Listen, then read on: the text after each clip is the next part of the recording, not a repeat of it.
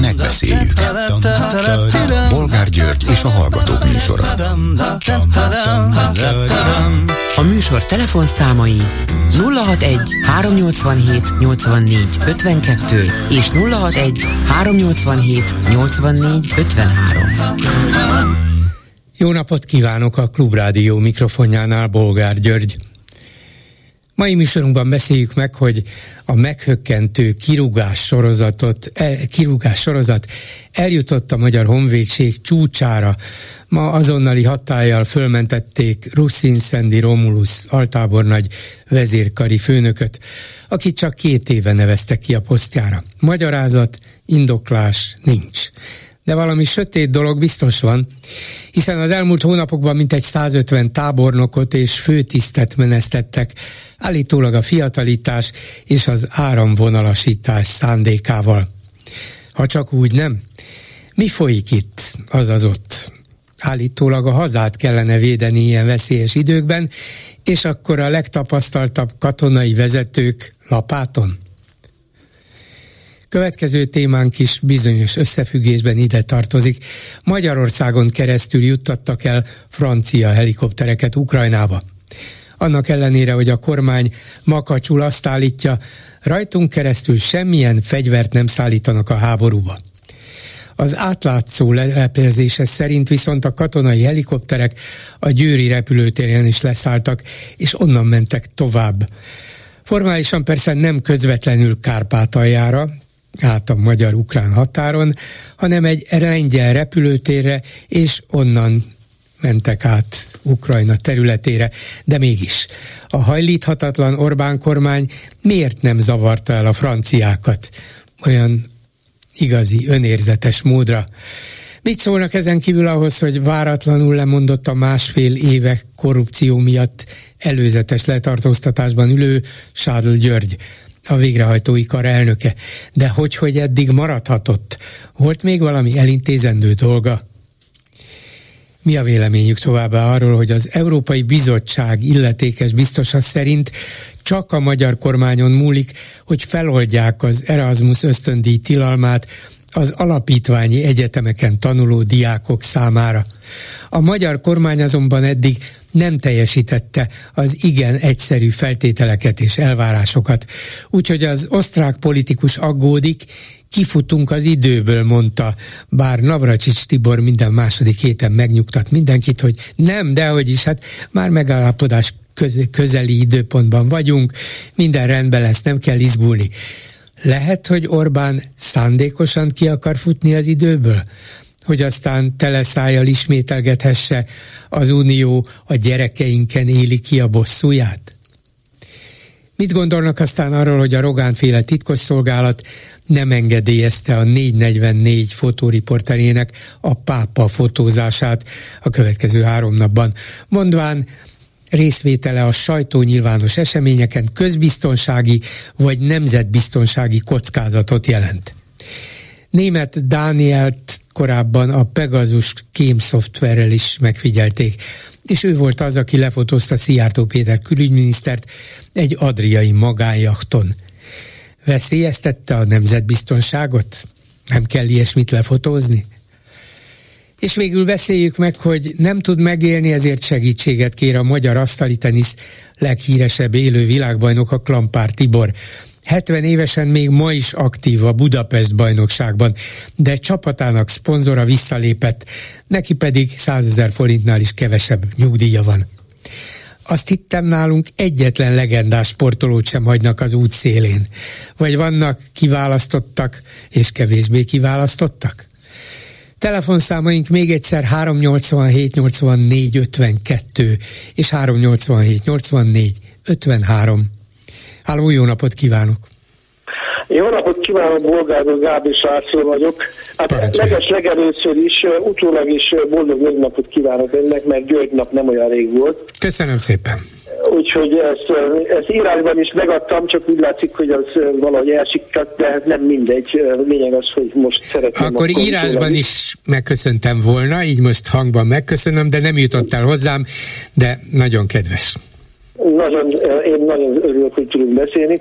Hát két kedvenc témám van, ugye az egyik az Európai Unió, a pénzek, a másik meg a, a nato dolgok.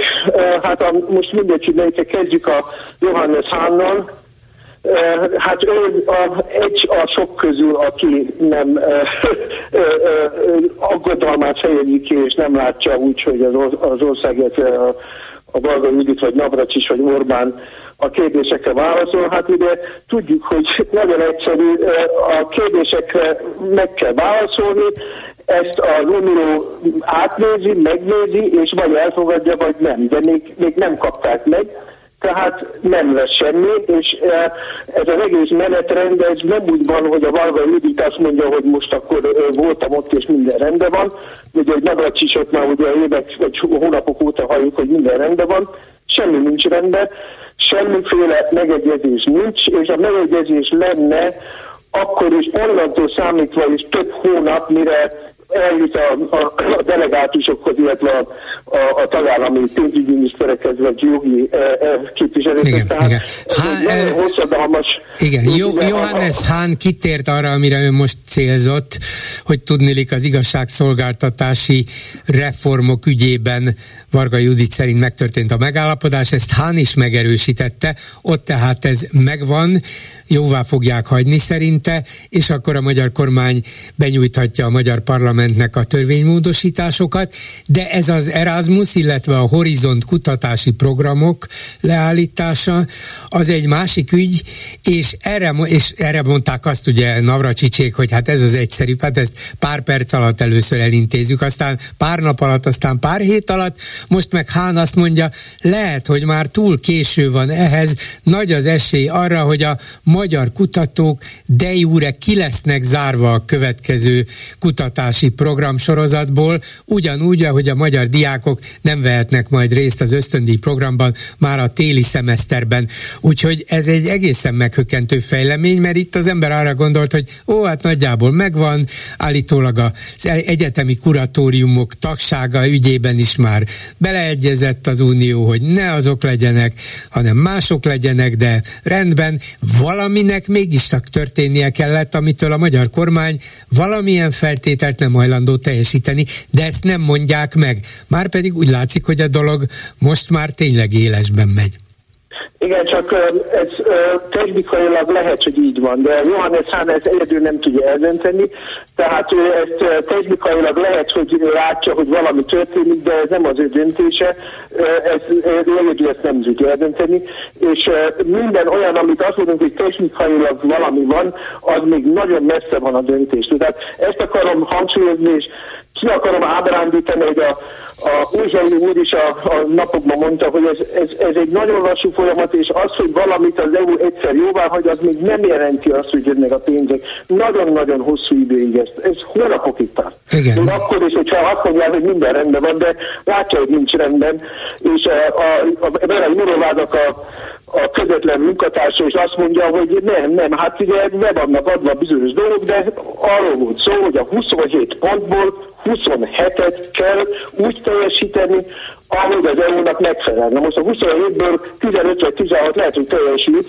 ezek között van a Johannes Hámnak a, a, a, a, az is, de ez még nem jelenti azt. Tehát nem csaptunk még ott.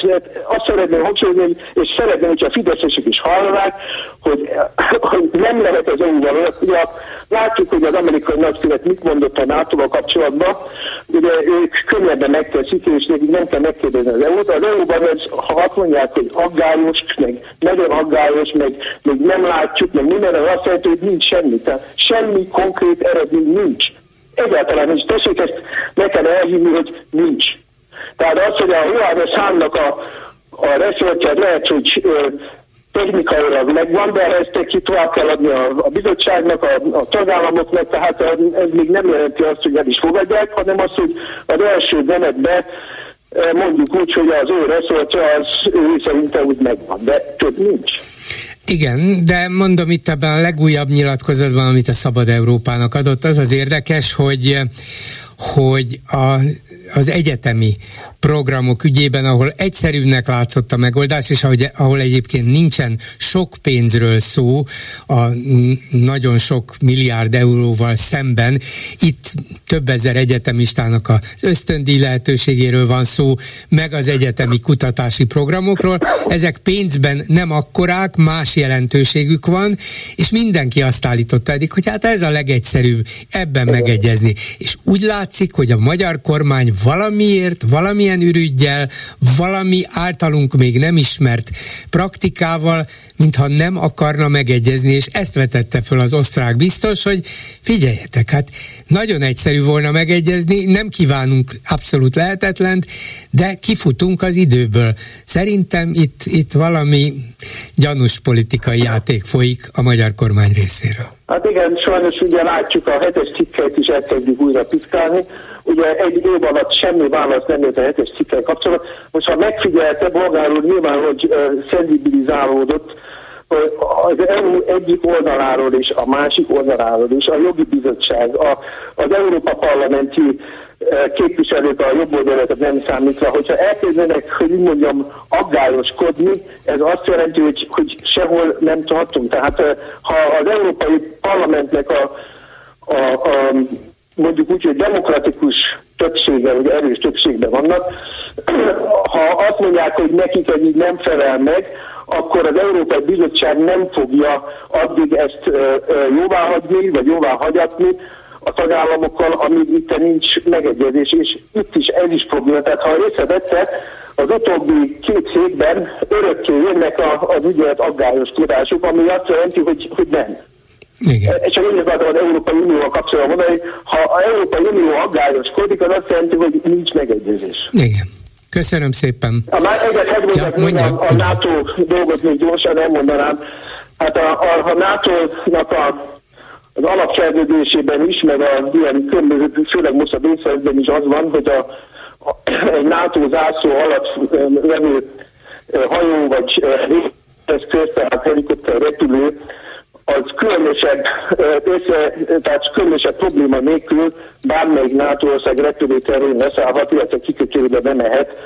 Tehát különösen engedni nem kell hozzá, és ugye éppen ezért fölösleges az Orbánnak ilyet mondani, hogy, hogy rajtunk keresztül nem. Ugye, ha, ha a francia helikopterek Győrbe leszálltak, akkor nyilván Szlovákián keresztül mentek Lengyelországba, a szlovákoknak sem volt ebből problémája, de mondom, ezt, ezt nem kell különösebben engedélyt kérni hozzá, hanem ez egy NATO belső utasítás, hogy leszállnak és kész. Tehát az Orbán ebben semmit nem tud beleszólni, ha ilyen van, amúgy is egyébként is Magyarországon vészhelyzet van, tehát el kell neki tudni, hogy leszállnak a helikopterek, lehet, hogy más is, lehet, hogy hogy lokalitásos repülők is le fognak szállni még ebbe adott esetben, és azt is el kell csűrje. Tehát nem úgy van, hogy ő ezt elrendeli, vagy ő, ő, ő megmondja. Meg lehet nézni egyébként a NATO-nak van egy emberes utasítása, tehát minden további nélkül leszállhatnak ezek a helikopterek. Igen, hát ő megmondja, hogy nem, és aztán gyakorlatban meg mégis igen.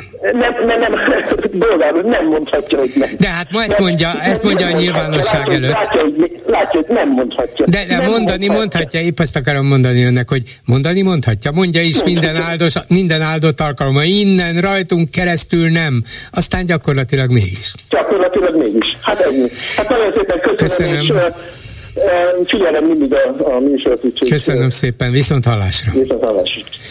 A vonalban pedig Hodász András volt katolikus pap, és most barista. Jó napot kívánok! Jó napot kívánok! Szeretettel köszöntöm a hallgatókat. Meg a Szemlélek magazin egyik szerzője is. Így van. Úgyhogy azt olvasom valahol, hogy mire van szükség a barista állás betöltéséhez? Jó kommunikációs készség, empátia, emberismeret, vendéglátói véna, koncentrált és tempós munkavégzés, megosztott figyelem, kiváló stressztűrő képesség, a kávé és a kávézás szeretete, a kávéval kapcsolatos széleskörű ismeretek, minden megvan? Abszolút minden megvan, megvan, kivéve a vendéglátói tapasztalat. Azt most szerzi. Azt nem, most nem szerzi. dolgoztam vendéglátásban. Uh-huh. És amikor elkezdett dolgozni, mikor kezdődött ez? Hát nem is tudom, nagyjából egy két hónapja, uh-huh. valahogy úgy lehet. És akkor volt valaki, aki betanította, meg Igen, természetesen. Uh-huh. Ilyenkor szükséges mindig megtanulni az adott helynek a, a sajátosságait, azokat az italokat, illetve ételeket, amiket az adott hely uh, kínál, és mivel ez egy specialty kávézó, a Dóz Espresso-ról van szó a Herceg Primás utcában, ezért Na, pont a, meg... pont a Herceg Primás utcát pont választotta ki? Oh. Igen, nehezen szabadulok. Hogy ahogy mivel egy specialty kávézó, ezért nagyon komolyan meg kellett tanulni, hogy mi hogyan készítjük a kávét, milyen receptúra alapján, és azt, azt kell átvenni. Hogyan fogadták önt, vagy hogyan szóltak egyáltalán önhöz? Hát mégiscsak egy papról van szó, ebben a, ezekben a körökben nem nagyon mozgok jól, hát hogy, hogy kell egyáltalán szólítani, hogy kell ránézni, hogy kell rászólni, hogyha valamit nem jól csinál. Nem voltak ilyen kényelmetlen helyzetek? Én csak remélni tudom, hogy nem volt ilyen uh-huh. a, a kollégákban. Én próbáltam az első pillanattól kezdve azt kommunikálni, és úgy is viselkedni, hogy én is ember vagyok, egy a sok közül, és nyugodtan szóljanak, hogyha ha bármi kritikájuk van, vagy bármi meglátásuk van. De hála Istennek egy nagyon jó kis befogadó és barátságos, fiatalos csapatról van szó, úgyhogy az első pillanattól kezdve nagyon jól éreztem magam. No, azért is kezdtem ezzel, mert talán nem mindenki tudja a hallgatóink közül, bár a nevét már valószínűleg szinte mindenki ismeri, mert a Disney Plus nevű streaming szolgáltatón néhány nappal ezelőtt bemutattak, és most is látható egy hihetetlenül érdekes dokumentumfilmet, amely a pápával készült, tavaly nyáron Ferenc pápa Rómában találkozott tíz spanyolul beszélő fiatal 20 éves fiúval és lányjal, és meghallgatta az ő kérdéseiket, válaszolt a kérdéseikre, de hát ez látszólag egy formális esemény, biztos van ilyen, volt ilyen, lesz is ilyen, de én azt mondom, aki megnéztem ezt, hogy ilyen még nem volt, és, és egészen különleges, ezért is firtattam egy kicsit azt, hogy önhöz egyáltalán hogy közeledtek a kávézóban, mert a pápához, nem a Vatikánban, ez egy, ez egy nem is tudom milyen közösségi hely lehetett, mintha egy kicsit lepusztult fiatal közösségi mm, hely lett volna, talán szórakozó helynek egy kiürített része. Szóval már eleve a, a találkozóhely olyan volt, hogy a, a fiatalok ott ültek, vagy hevertek, vagy az asztalon trónoltak, és amikor belépett a pápa, föl se álltak. Nagy nehezen úgy föltápászkodott egyik másik, és hajlandó volt kezet fogni a pápával, csak azért mondom ezt el, nem tudom, hogy látta-e a filmet, a hallgatók többsége sem valószínűleg még, de valami olyan helyzetbe keveredett a pápa, amire nem is tudom, hogy fölkészítették-e. De azt mutatta már ez a kezdés, kérdés, hogy hát ezek nem a pápától elalélt fiatalok voltak, kiderült, hogy volt köztük ateista vagy agnosztikus is, meg a legkülönbözőbb uh-huh. hívő vagy kiábrándult hívő, és aztán olyan kérdésekkel bombázták, amiktől talán még egy miniszterelnök is hátat fordított volna, a pápa viszont ott ült, hallgatta és válaszolt. Mennyire, majd belemegyek a részletekbe, hogy önt is megismertessem vele, de mennyire kivételes egy ilyen helyzet, amit én egészen meghökkentőnek éreztem. Én azt gondolom, hogy ez abszolút kivételes helyzet, és meg tudom erősíteni, hogy a legjobb tudomásom szerint ilyenre még nem volt példa. Ugye nagyon sokszor találkozott már akár a korábbi években is ő is és a korábbi szentatyák is találkoztak fiatalokkal, de ezek általában meglehetősen formális találkozások voltak, meglehetősen kimért körülmények között.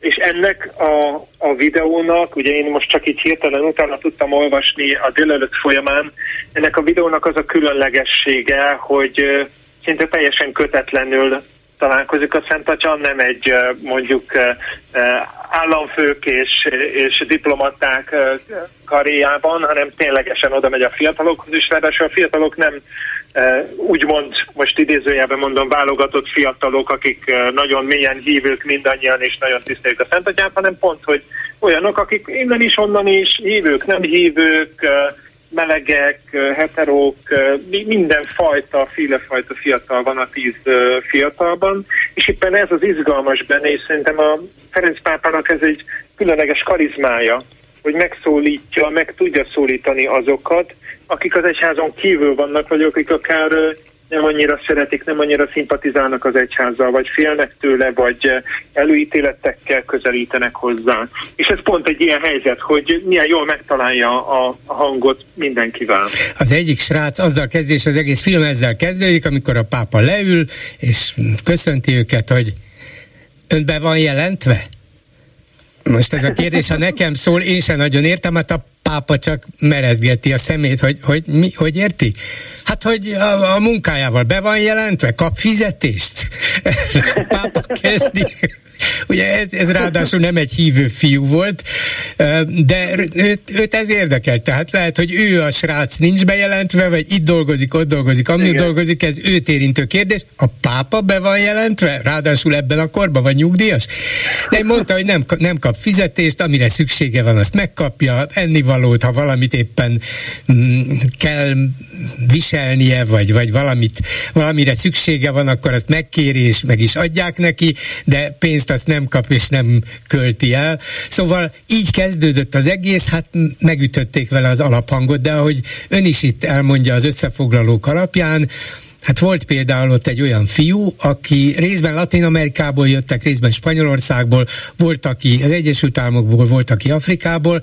Szóval ott volt egy fiú, aki gyerekkorában egy, egy egyházi iskolában szexuális abúzus ért. És a, azt a uh-huh. paptanárt, aki, aki ezt elkövette vele szemben, először tíz évre elítélte a bíróság, aztán két évre mérsékelte, végül börtönbe se kellett mennie, és átadott a pápának egy levél másolatot, ami amiben az ő apja fordult a Vatikánhoz, hogy hát mégis hogy van ez, hogy nem kellene erről tudniuk. Tehát rögtön abba a kényelmetlen helyzetbe hozta a pápát, mintha neki kellene felelnie azért, hogy Latin Amerikában, már nem tudom melyik országról volt szó, ilyen dolgok történnek, hát persze tudjuk, hogy vannak ilyenek másutt is, és, és a, a Vatikán sem, a vatikáni illetékes hivatal sem reagál rá kellő empátiával. És a pápa pápa magába szállt, meg ha tetszik, az egyházba szállt, és azt mondta, hogy sajnos sokan vannak olyanok, akik visszaélnek az, az egyház tekintélyével, súlyával, és, és rossz emberek, és korruptak, és bűnösek, és, és bocsánatot kért, tehát rögtön ilyen helyzetbe szorították be a pápát, Ilyenről például tudok, nyilván voltak már az elmúlt években olyanok, akik fölvetették a saját, saját tragédiáikat, de hogy ez ennyire egy az egyben megy, volt erre példa? Én azt gondolom, hogy ennyire az egy, egy az egyben azért nagyon ritka, mert ehhez egyrészt az áldozat részéről nagyon nagy bátorságra van szükség másrészt pedig a, a fogadó fél részéről egyáltalán a lehetőségre van szükség, hogy, hogy megadja a lehetőséget a személyes találkozásra és a szabad kérdezésre. Ez egy pápa esetében, de még egy püspök esetében is elég ritka. Ugye, hát ez körülbelül ugyanaz, mint hogyha azt kérdeznénk, hogy a köztársasági elnöktől mikor lehet így csak úgy spontán bárkinek kérdeznie. Nyilván nem azért, mert a köztársasági elnök eh, vagy akár a pápa, vagy akár a püspök Eh, annyira ufó lenne, hogy, hogy ne lehetne megközelíteni, hanem egyszerűen a diplomácia és a személyi védelem és minden más szempontok alapján Hát az ő élete az nem úgy zajlik, hogy, eh, hogy odaléphetnék hozzá egy pizzázóban vagy kávézóban, és feltehetnék neki gyorsan egy kérdést. De itt én egyébként nagyon örülök neki, hogy ez a fiatal megragadta ezt a lehetőséget, hogy ha már eh, a, a filmkészítő stáb kitalálta ezt az ötletet, és ha már a Szent Atya belement, és ha már ott van ez a szituáció, akkor, akkor igenis jó, hogy feltette ezt a kérdést, és nagyon örülök, hogy a Szent Atya ilyen jól reagált, ilyen jól válaszolt, mert azt hiszem, hogy mi katolikusok nem nagyon tudunk másképp reagálni, mint, mint a bűnbánat, a, a bocsánatkérés és az önvizsgálat hangján hiszen bőven van miért bocsánatot kérnünk sajnos. Ha megengedi, még egy-két konkrét példát felhozok, mert gondolom Igen. a hallgatók számára is meglepetés lesz. Volt ott egy lánynak kinéző, de mint kiderült, szóval ott ült egy asztal tetején, le se szállt az asztalról.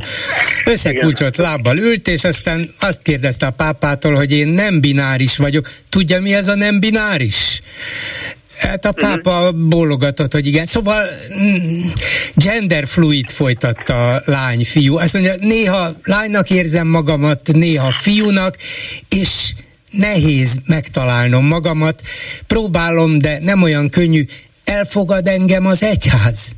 és a pápa nem csak, hogy nem mereztette a szemét, hogy te jó Isten, kik közé keveredtem, hanem rögtön befogadó volt, rögtön szinte a karját kitáró, hogy természetesen mindenkit, és, és mindenkit megpróbálunk segíteni abban, hogy elfogadja és megtalálja önmagát.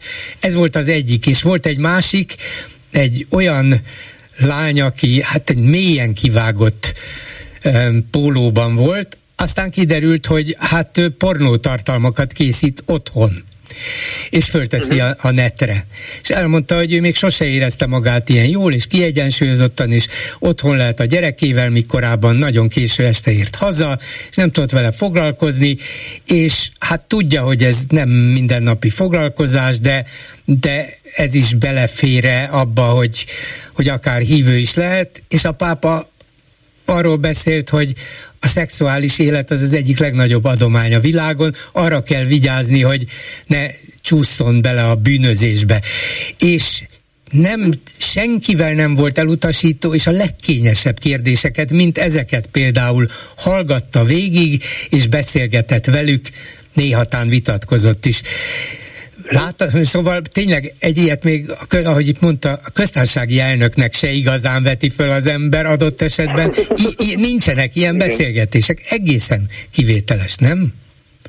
Igen, és tényleg azt tudom csak újra megerősíteni, hogy szerintem Ferenc pápának ez egy különleges karizmája, bár, bár már második János párról is azt mondták, hogy nagyon szeretett az emberek közé menni, sőt, ő, őróla még él a legenda, hogy egyszer-egyszer egyszerű áruhában kiszökött a Vatikánból, a testőrök gyűrűjéből, hogy egy kicsit szabadnak érezhesse magát, hiszen pápaként ugye talán ez a legnehezebb, hogy, hogy az ember bárhova megy, rögtön követik a testőrök, meg rögtön megtisztítják a területet, és hát nem, nem lehet kvázi normális emberként csak úgy kiszaladni egy kár valahova, de a Ferenc pápának mindenképpen ez egy nagyon erős karizmája, hogy nagyon közvetlen tud lenni, nagyon barátságos tud lenni, és azt hiszem, hogy a jövő egyházának is ez lesz majd az útja, és én már látom ezt a tendenciát a, a mostani egyházban, de hogy et, így igen, nyitni ettől nem változnak az egyház tanításai nyilván, és hát ő is óvakodott attól, hogy,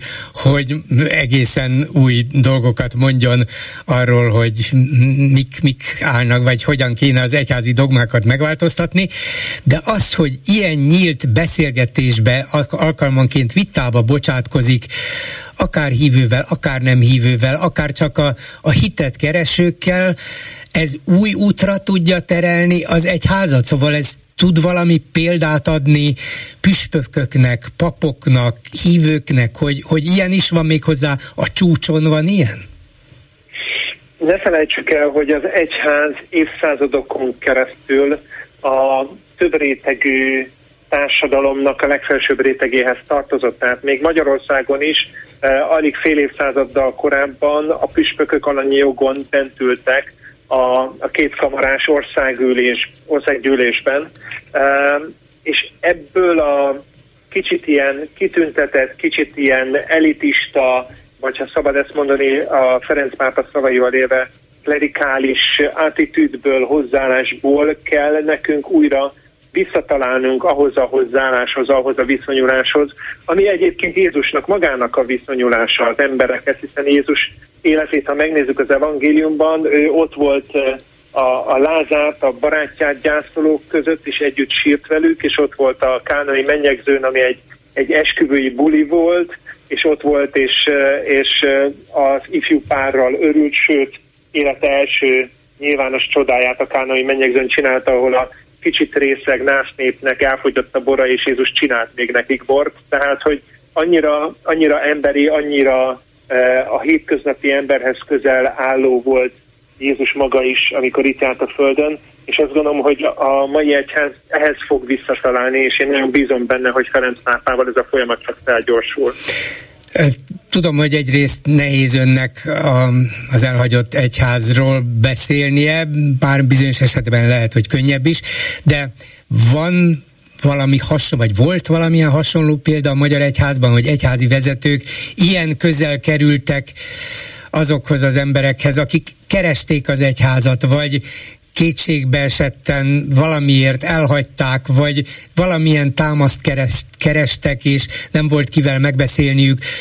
Én egy, egy ilyen film láttán azt mondanám, hogy ez talán egy mindennapi, vagy jó, minden hónapi feladata kellene, hogy legyen akár papoknak, plébánosoknak, akár egyházi vezetőknek, hogy így találkozzanak hívőkkel és nem hívőkkel egyaránt, hiszen a nem hívő is, abból is lehet hívő, és, és, és a hívőnek is lehetnek ugyanolyan bizonytalanságai, mint az ateistának. Szóval vannak ilyen jellegű kezdeményezések, próbálkozások, esetleg ilyen események, csak nem tudunk róluk?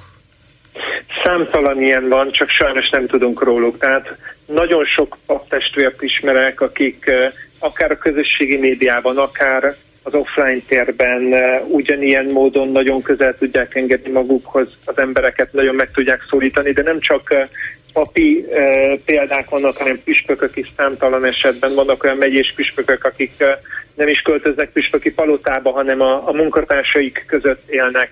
Ismerek olyan megyés püspököt, aki cigány családot fogadott be a püspöki palotába.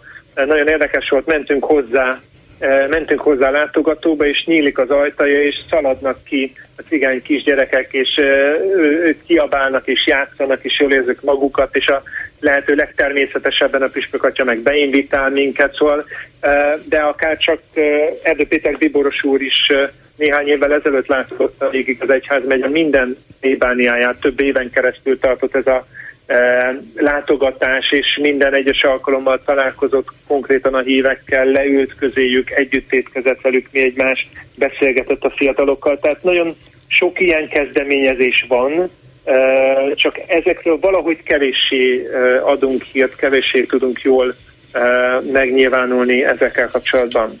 Hát akkor ezek szerint nem reménytelen. A pápa nem. irányt mutat, de, de talán vannak, lesznek, akik követik. Köszönöm Igen. szépen Hodász Andrásnak, és akkor jó, jó kávékészítést kívánok többek Köszönöm között. Szépen. Viszont hallásra. Viszont hallásra. Háló, jó napot kívánok. Jó napot kívánok! Kampár Tiborral kapcsolatosan szeretnék néhány gondolatot elmondani. Igen. Én is Tibor vagyok, és hát érintett is a Tibivel kapcsolatos témákban, mert a 80-as évek elején együtt pingpongoztunk a Spartakuszban, ő 13 évvel idősebb nálam. Ugye idén 70 éves ez a csodálatos sportember, 53-ban született. Hát tényleg csak szuperlatív buszokban lehet róla, mint sportol, sportolóról beszélni. Azt tudni kell róla, hogy már 18 évesen világbajnok volt 1971-ben Nagoyában, Jónyer Istvánnal párosban, és hogyha már Jónyer Pistit megemlítettük, akkor ja, nem, ne felejtsük el, hogy egy fantasztikus aranycsapat tagja volt Klampár Tibi, Jónyer Klampár Gergely hármasnak, akik, akik tényleg végigverték a világot, és egy 20 éves kínai hegemóniát megdöntve 1979-ben Fenyámban csapatvilágbajnoki aranyérmet szereztek a magyar asztalitei sportnak, ami tényleg hihetetlen volt. Ezen a világbajnokságon kétszer is megverték az egyébként verhetetlennek vélt kínai csapatot a csoportmérkőzéseken és a döntőben is. Az visszatérve Tibire, tényleg fantasztikus ember, ő egyébként kétszeres világbajnok, az említett Jónyer páros világbajnoki érmét, és a 79-es csapat világbajnoki érmét lehet ide sorolni világbajnoki, de rengeteg Európa bajnokságot nyer. 1981-ben például Kuala Lumpurban világkupát, ahol több tízezer ázsiai szurkolt a, a döntőbeli ellenfelének, a kínai Sisai-kének, ezzel együtt is Tibi hozta ezt a meccset, és 1981-ben nyerte meg Miskolcon is a top 12-t, ahol a uh-huh legjobb 12 európai férfi. Igen, és hát egy nagyon színes egyéniség volt, persze könnyelműnek is szokták nevezni, de mindenképpen az volt, aki, aki a legváltozatosabb, akár asztali teniszben is, meg nyilván az életben. A, magánéletében és a Tibit is. kezelni kellett, Igen. kezelni kellett volna tudni. Tudni kellett volna kezelni, bocsánat. Uh-huh. Tehát ő, őt, őt összességében minimum négy, de inkább öt évre eltiltották még a 80-as években, de olyan, olyan buta gyerekes dolgok miatt, ami, ami, amire ma már csak legyintenének, kilógott az edzőtáborból éjszaka, vagy Igen. volt, hogy nem is az ő hibájából, volt, hogy a, a Józsi, a bátyja, aki őt megtanította pingpongozni, sportcsarnokban összeverekedett valakivel, és ezért a Tibit tiltották el. Tehát ez egy buta akkori sportvezetés volt, hogyha pénzbüntetést kapott volna, akkor jobban járt volna a magyar asztali sport is, mert akkor most a Kampár Tibi nem kétszeres, hanem 5-6-7-szeres világbajnok lett volna. Ő neki, amikor, amikor a csúcson volt, akkor, akkor folyamatosan eltiltották őt. Tehát nem tudták őt kezelni. Ez volt a ez volt a probléma. Nagyon fontos még egy-két dolgot, egy-két személyes dolgot is megemlíteni. Elsőként még azért annyit, hogy ugye lehet, hogy bolgár úrnak is ismerős Jan Ove Waldner, akiről azt Igen. mondták a svéd többszörös világbajnokról, hogy a pingpong maradónája. Én azért a Tibinek is odaadnám ezt a címe. Na szóval a Waldnernek, aki egy 12-13 évvel fiatalabb volt a Tibinél, vagy fiatalabb a Tibinél, a Klampár Tibi volt a példaképe. Az a hihetetlen gyors csukló, azok az iszalatos reflexek, amit, a, amit, amit az asztalnál művel, és ebből a Wagnerből lett aztán nagyon-nagyon sokszoros világbajnok, és neki a Kampár volt a, a, a példaképe.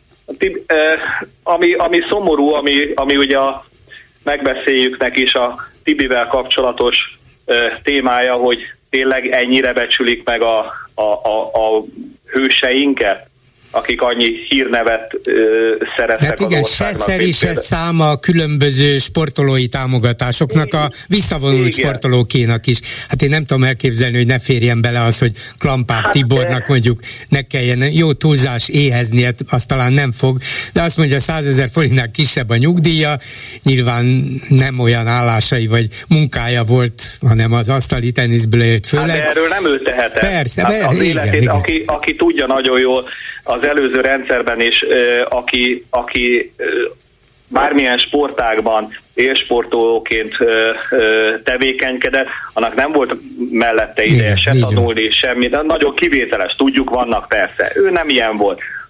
Ez a, a, pénzzel kapcsolatosan annyit, hogy 1988-ban, amikor először rendeztek olimpián asztali tenisz számot, ez Szőulban volt, bolgárul tudja, akkor a Tibi a harmadik helyért, tehát elődöntőben harmadik, negyedik helyért játszott egy svéd Erik Lind nevű fiúval, és a Tibi nagyon vezetett, és sokkal jobb is volt, mint a Lind, de végül kikapott. És azzal, hogy negyedik lett, már nem kap életjáradékot. Azt hozzá kell tenni, hogy borzalom az egész, nagyon nagy pech az ő szemszögéből, mert asztali világversenyeken, Európa-bajnokságon soha az életbe a harmadik, negyedik helyért nem játszották le a mérkőzést. Tehát a két, a két vesztes, az elődöntő két vesztese, mind a kettő kapott egy bronzérmet, ha ez így lett volna, akkor a Tibima kapna életjáradékot, ami nem kell, mint olimpiai bronzérmes. E- ekkor először és utoljára úgy tudom, hogy azóta sem játszák le a harmadik, negyedik helyen uh-huh, azt a tenisz világversenyeken a meccse. Uh, úgyhogy, úgyhogy ez is nagyon uh, igazságtalan vele szembe, és még annyit, hogy egy fantasztikusan jó szívű ember, egy olyan kedves, közvetlen nem is lehet rá azt mondani, hogy 70 éves, de egy, egy jó srác. Egy nagyon, és, nagyon és jó még srác. mindig Budapest bajnokságban asztali teniszezik. És a klampár az klampár, szerintem ezt, ezt még klampár, mindig klamp... milliók Bolgár, tudják. Ez, ez olyan, különösen azoknak, akik mi a pingpongban valamennyire érintettek voltunk, Klampárral találkozni, vagy, vagy ő, nekünk olyan, mint egy, egy Beatles rajongónak Paul mccartney találkozni. Ez egy csodálatos, ez egy hihetetlen egy egyéniség. Én néhány évvel ezelőtt a róla megjelent könyvet dedikáltattam vele, fölhívtam őt, abban a másodpercben mondta, hogy hol lakik, ugorja föl hozzá. A két világbajnoki aranyérme ott volt a kezemben, lefotóztam ezt, amíg élek nem felejtem el. Nagyon jót beszélgettünk, visszaidéztük a múltat. Hihetet. Ki, ki az a világszár, aki egy... Ő már nem emlékezett rá, én nyilván tudtam, hogy, hogy ő kicsoda arra, hogy mi együtt játszottunk valaha is, de abban a pillanatban egy ismeretlen mobil fölvetés, persze, gyere csak is alá. Uh-huh. Mondta, hogy én megvettem ezt a könyvet, ami róla szólt. Azt mondja, hát miért nem szóltál, és mutatta, hogy ott volt a sarokban neki több példa. És pluszba még adott egyet, és pluszba dedikált. Nagyon, nagyon, nagyon csodálatos Igen. ember tényleg. Úgyhogy szurkolok neki, hogy még sokáig e, sportolhasson, és hogy támogassák is, mert nagyon-nagyon megérdemli. Annyit hozzátéve még, nagyon fontos, hogy ő annyira komolyan veszi mind a mai napig a, azt a sportágat, amiben ő világ első számú játékosa volt, hogy a Budapest bajnokságban, ami körülbelül olyan, mint hogyha nem tudom én a Puskás öcsi a Budapest bajnokságban focizott volna. A Budapest bajnokságban minden egyes meccs elő legalább egy órával előtte ott van, bemelegít, ragaszgatja az ütőjét. Tehát ő, ő ezt, ami az ő élete, amiben professzionális, ő nagyon-nagyon komolyan veszi mind a mai napig, pedig hát egy Budapest bajnokságban azért ő nagyjából még 70 évesen is becsukott szemmel bárkit nagyon-nagyon le tud győzni. De ő, ő, ő ezt komolyan veszi, neki mindegy, hogy egy világbajnokság, mindegy, hogy Budapest bajnokság, ő ott van, készül, melegít, komolyan odafigyel rá. Egy, egy, egy, csak azt lehet, hogy tényleg egy zseni. Így a sportágában egy zseni, és nem ezt érdemelné most, Így van. és nem ezt érdemelte volna a 80-as években, amikor igaztalanul eltiltották őt évekre. Köszönöm szépen, hogy elmondtam mindezt. Köszönöm, Köszönöm viszont hallásra. Minden jót viszont hallásra. A telefonnál pedig harangozó Gábor, az MSP alelnöke. Jó napot kívánok! Jó napot kívánok! És azzal kapcsolatban kérdezem önt, hogy a napokban tartott egy konferenciát a Szociális Demokráciáért Intézet, ugye jól, jól mondom a nevét. Igen, tökéletesen. Igen. E, mégpedig arról, hogy a skandináv érdekérvényesítési modell megvalósítható-e Magyarországon. Mm, lehet ezt érdekérvényesítési modellnek nevezni, és nyilván itt elsősorban erről volt szó, hiszen szakszervezeti vezetők voltak itt Svédországból, de lehet akár a svéd jóléti demokrácia modelljéről is beszélni kicsit általánosabban de ebbe a jóléti modellbe persze belefér az, hogy nagyon is alapvetően beletartozik a szociáldemokraták kormányzása, meg a, a szakszervezetek működése és bevonása a mindennapi problémák megoldásába, a konfliktusok kezelésébe.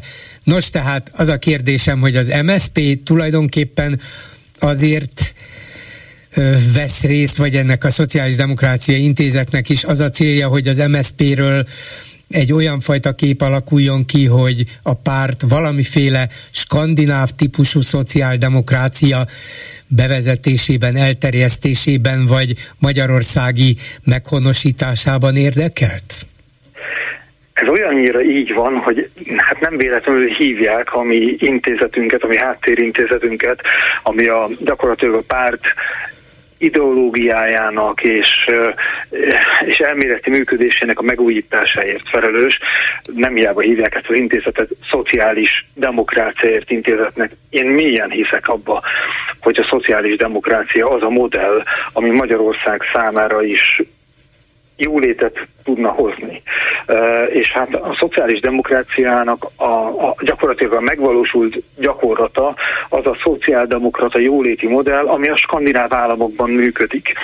És hát el szoktam mondani, hogy mindenki azt gondolja, az északi államokról van egy ilyen sztereotípia, hogy ott mindig sötét van, hideg van, hogy ott nem jó élni, és mégis nincs olyan felmérés, nincs olyan kutatás, ami ne azt mutatná, hogy a skandináv államokban élő emberek a legboldogabb, legkiegyensúlyozottabb és legjobb életet tudják élni. És ez nem véletlenül van, hanem azért van, mert ők megvalósították a szociáldemokrata jóléti modellt, ami a mai napig tudja nekik garantálni azt, hogy akármilyen válság van, ez a válság a legkevésbé az északi államokat fogja érinteni, és a leginkább inkább az uh, kiszámítható, és még mai bizonytalan világban is, gyorsan változó világban is uh, egy olyan jövőképpen rendelkeznek, amiben a következő generációk is azt látják, hogy van előrelépés, van jövő előttük. És hát igen, hát mi más lenne számunkra is a követendő modell, mint ez az északi által megvalósított szociáldemokrata jóléti modell, és hát nyilván azt vizsgáltuk meg ebben a konferenciában is, hogy milyen tanulságokat tudunk levonni abból, ahogy ők működnek, és hát Magyarországon mekkora esély van arra, hogy el tudjunk indulni ebbe az irányba, és mi kell hozzá. Mit mondtak ők, mit mondtak a svédek, hogy hát ilyen egyszerű, mi ezt csináljátok, ti is vegyétek át, aztán nektek is jó lesz, és, és ti is olyan erős párt lesztek, mint hosszú-hosszú évtizedek óta a svéd szociáldemokrata párt. É, igen. Um, Mielőtt, mielőtt erre pontosan válaszolnék, hadd mondjam el, hogy egész pontosan ki volt, ami meghívott vendégünk, mert ez is egy nagyon izgalmas dolog. A, van egy, úgy hívják őket, hogy SZAMAK, ez a, az északi államok um, Északi Munkás Mozgalom Együttműködési Bizottsága egész pontosan, hogyha lefordítjuk magyarra az ő nevüket. Tehát nem ami, is kifejezetten svéd, hanem a, a skandináv országok igen, egészére. Az igen. északi uh-huh. állam minden szociáldemokrata pártja és szakszervezete közösen hozta létre ezt az együttműködési szervezetet, ami úgy működik, hogy ők folyamatosan kutatják azt, hogy hogyan tudnak az északi államok mindig a világ legsikeresebb államai lenni, de ezt nem egy egyszerű kapitalista szemszögből nézve, hogy hogyan tudnak a tőkért tulajdonosok, az üzemek tulajdonosai minden nagyobb és nagyobb profitra feltenni, mint ami a kapitalizmusnak a, a, az alapvető tulajdonsága, hanem hogy hogyan tudnak úgy a legsikeresebbek lenni, hogy közben az embereknek mindig jobb és jobb élete legyen. És ezt csak azért hadd emeljem ki, mert Magyarországon, ha megnézzük az elmúlt évtizedet, a, magyar gazdasági teljesítmény jelentősen nőtt. Hát volt egy nagyon komoly GDP növekedés. Viszont ha ugyanezeket a statisztikai adatokat megnézzük, a fogyasztás viszont szinte egyáltalán nem nőtt. Tehát hiába volt a gazdaságnak egy növekedése az embereknek, nem lett nem lett számottevően jobb az élete. És Nos, tehát akkor északi... visszatérve erre a szamakra, azért is említette ezt, mert az a, az a vezetője ennek a szervezetnek, aki itt volt Budapesten, nem is svéd, hanem ráadásul norvég. Ugye? Norvég, igen. Ahol, ahol talán a szociáldemokratáknak nem volt, vagy nincs akkora, nincs annyira meghatározó szerepe, mint Svédországban, bár talán ott most éppen szocdem a miniszterelnök, míg, míg a svédeknél éppen nem, de, de azért nagyjából hasonló, tényleg a világuk, a gondolkodásmódjuk, a, a, a demokráciájuk elrendezettsége az nagyjából hasonló. Igen. Önálluk az az alapvető különbség, még Magyarországon is 1890-ben alakult meg a szociáldemokrata párt, a szakszervezetek és a szociáldemokrata mozgalom együttműködésével. De náluk szerencséjükre volt egy szerves fejlődés, amely mai napig és gyakorlatilag egy, egy folyamatos uh, fejlődésen ment keresztül, és úgy képzeljék el, bolgáról és a kedves hallgatók, hogy náluk az összes szociáldemokrata párt az összes szakszervezeti mozgalom a szociáldemokrata párttal működik együtt. Ők velük vannak természetes szövetségbe. És ugyan lehet, hogy a választásokon nem a szociáldemokratákra szavaznak, de a munka világában, a munkajogok érvényesítésében a szociáldemokrata párttal dolgoznak együtt. Lehet az a párt, amelyik a parlamentben az ő érdekükben benyújtja a javaslatokat, akik kormányra kerülve az ő érdekükben hoznak döntéseket, és van egy ilyen teljesen egyértelmű szimbiózis a szociáldemokrata mozgalom és a szakszervezetek között. És az én meggyőződésem, én akkor fogom nagyon-nagyon, akkor leszek büszke a pártomra, hogyha mi képesek vagyunk megépíteni egy hasonló uh, együttműködést a, a szakszervezetekkel, hiszen az van, hogy nincsenek külön szakszervezeti, meg politikai uh, munkavállalói érdekek. Munkavállalói érdekek az egy van, amit a szakszervezeteknek a munkavilágában, a, a, a politikai érdekképviseleti szervezetnek, jelen esetben a szocialista pártnak pedig a politika világában kell képviselni. Tehát akkor tudjuk hatékonyan csinálni, ha mi ebbe együtt tudunk működni. Ha közösen ki tudunk alakítani egy jövőképet, és utána azt lebontani intézkedésekre, amit aztán mi pártszinten a politikában tudunk képviselni, a szakszervezetek pedig a munkahelyeken. És akkor végül is mit mondott ez a norvég munkáspárti politikus, meg a svéd szakszervezeti főtanácsadó ezen a konferencián, hogy mi az, amit csináljanak? Próbálják a szakszervezetekkel a kapcsolatokat még szorosabbá tenni? Azokat a szakszervezeteket is, amelyek esetleg nem is baloldali indítatásúak, vagy baloldali kötődésűek? Vagy nem csak a szakszervezeti mozgalom és a párt kapcsolatain múlik, hanem ki tudja még min, ezért kérdezem, hogy voltak-e konkrét tanácsaik? Voltak egész konkrét tanácsok is, ismertették az egész működési rendszerüket, hogy, hogy, hogy milyen szervezeti struktúrában működnek, hiszen azt is elmondták világosan, hogy, hogy annak, hogy ők ilyen eredményesen tudnak működni, annak az egyik kulcs eleme az, hogy intézményesített együttműködési rendszerek vannak. És főleg ma, amikor óriási kihívások előtt állunk, hiszen itt van a zöld átállás. A zöld átállással kapcsolatban például csak hadd említsem meg, amit ma mindenki ismer Magyarországon, az akkumulátorok ügyét. Ugye tisztább, egészségesebb világot akarunk, széndiokszid kibocsátás nélkül, ezért eldöntöttük, hogy a, a szennyező robbanó motoros technológia helyett villanyos meghajtású vagy villamos meghajtású autókra fogunk átállni. Igen ám, de mit jelent ez? Ha ez úgy történik meg, hogy Európa nagyvárosaiban tiszta lesz a levegő, mert villamos autó fognak közlekedni, miközben Magyarországon uh, fogják az összes akkumulátort, ami ehhez szükséges előállítani, akkor ezzel nem csak az a baj, hogy ennek az összes környezeti szennyezési tétele nálunk fog megvalósulni, hanem az is, hogy olyan munkakörülmények jönnek létre, hiszen az akkumulátoriparban most például azonnal be kéne 30 ezer embert vonni, és nincsen csak maximum 8 ezer munkavállaló Magyarországon, aki rendelkezésre, hogy Ázsiából fognak behozni munkavállalókkal, amivel, meg, munkavállalókat, amivel elvileg nekem semmi bajom nincsen, csak az a probléma, hogy az se szakszervezet, se normális bérek, se normális munkakörülmények nincsenek, és ezt hozzák be Magyarországra. És ezzel még a magyar munkavállalókat is. A magyar, igen. igen. Tehát a magyar munkavállalót is lenyomják ezzel. Uh-huh. Így van, így van, így van, így van. Tehát, amikor zöld átállásról beszélünk, amikor digitál, digitalizációról, robotizációról beszélünk, akkor ezek mind olyan kihívások, amik a magyar munkavállalót igencsak veszélyeztetik, és ezekben a munkás mozgalomnak mind pártalapon, mint mi szocialisták, mind szakszervezeti vonalon nekünk kell az élére állni, hogy ne az legyen, hogy a kényszerek fogják majd kikényszeríteni, hogy hogyan történjen meg az az átalakulás, vagy a tőke érdekek, hogy ezt hogyan lehet majd még olcsóbbá tenni, még nagyobbat keresni rajta, hanem hogy a végén tisztességesebb munkahelyek, jobb munkahelyek, jobb fizetések és egészségesebb életkörülmények jöjjenek létre. És ez nélkülünk nem megy, mert alapvetően a tőke nagyobb pénzt akar keresni. Ezért van szükség szakszervezeti mozgalomra, és ezért van szükség a politikában ránk.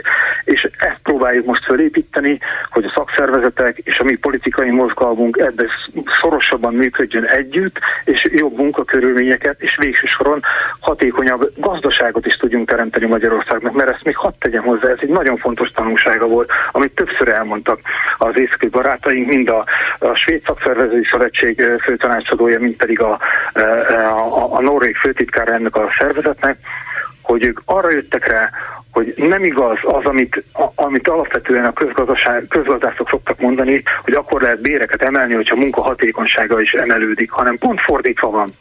Náluk bebizonyosodott, hogy ők folyamatosan emelték a béreket, és azzal, hogy emelték a béreket, azzal a vállalkozások rákényszerültek arra, hogy hatékonyabbak legyenek. Tehát a bérek emelése pont a gazdaság hatékonyságát, a gazdaság egészségesebb, jobb működését hozta az ő világukban, és hadd feltételezem, hogy ez nálunk se működne máshogy. Ez így elég vonzónak hangzik. Köszönöm szépen Harangozó Gábor, az MSZP alelnöke. Viszont hallásra! Én is nagyon köszönöm. Viszont hallásra! Röviden mai témáinkról. Januárban elkezdődött a tisztogatás a honvédség csúcsán a vezérkart gyakorlatilag lefejezték, ma pedig a vezérkari főnököt is eltávolították, mindenféle magyarázat, indoklás nélkül. Mi lehet a háttérben? Bizonyos szempontból ide tartozik, hogy Magyarországon keresztül juttattak el francia katonai helikoptereket Ukrajnába. Igaz, nem Magyarországról, a Győri repülőtérről, ahol lefotózták a francia gépeket, Kárpátaljára, hanem onnét egy lengyel repülőtérre, és onnét mentek tovább Ukrajnába. A magyar kormány pedig váltig ragaszkodik ahhoz, hogy innét Magyarországon keresztül nem mennek fegyverek, hadi eszközök Ukrajnába. Hát mennek. Mit szólnak ezen kívül ahhoz, hogy váratlanul lemondott a másfél éve előzetesben ülő Sádl György a végrehajtói kar elnöke. Nem is ez a kérdés, hanem hogy hogy maradhatott másfél évig a végrehajtói kar elnöke. Mit kellett még elintéztetni vele? Kérdezem én rossz májúan, vagy csak kíváncsian? Mi a véleményük arról, hogy az Európai Bizottság illetékes biztosa az osztrák Johannes Hahn szerint a magyar kormányon múlik egyedül, hogy feloldják az Erasmus ösztöndíjak tilalmát az alapítványi egyetem diákjainak, illetve hogy továbbra is részt lehessen venniük az egyetemi oktatóknak, tanároknak, kutatóknak, a Horizont kutatási programban, mert a magyar kormány még mindig nem teljesítette az elvárt feltételeket, és az idő már nagyon rövid. Az osztrák biztos aggódik, kifutunk az időből, mondja. De lehet, hogy Orbán Viktor ki akar futni az időből, hogy aztán az uniót hibáztassa mi van még? A Rogánféle titkosszolgálat nem engedélyezte, hogy a 444 fotóriportere részt vegyen olyan nyilvános eseményen, amelyen a következő három napban a pápa találkozik a hívőkkel, és a sajtó is jelen lehet. Sajtónyilvános esemény, de az illető fotóriporter részvétele közbiztonsági és nemzetbiztonsági érdekeket sért ha csak úgy nem. Ja, az illetőt Pegazussal is, a kémszoftverrel is megfigyelték évekkel ezelőtt, és ő volt az, aki megtalálta Szijjártó Pétert az adriai jakton.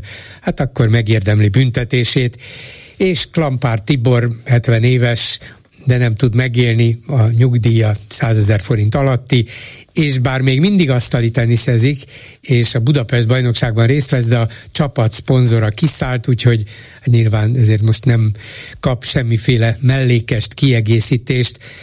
Ahhoz képest, hogy kétszeres világbajnok, furcsa, hogy ő kiesett a, a régi sportolók, híres sportolók nagyjából általánosnak gondolható megbecsüléséből. Miért?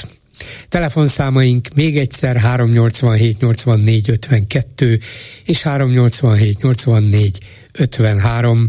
Háló, jó napot kívánok! Jó napot kívánok, Zingerútól vagyok. Parancsoljon. Rég beszéltünk Volgáról. Igen. Uh, amit most mondok, az tulajdonképpen az ilyen első gondolatom volt reggel, amikor megláttam a, azt hiszem a Telexen, hogy uh, kirúgták a vezérkeri főnököt, az első gondolatom, ugye semmit nem zárhatunk ki a nerben. Nekem az első gondolatom az volt, hogy mi van, ide küldték Puccinit az új nagykövetet.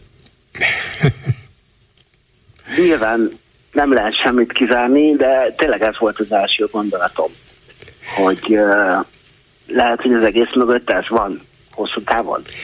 Egy, egyszerűen nem tudom, nem értem, két éve nevezték ki vezérkari főnöknek, néhány nappal ezelőtt még Novák Katalin köztársasági elnököt tájékoztatta az ukrajnai háborúról, annak fejleményeiről. Mi a fene történik az egész magyar honvédségben?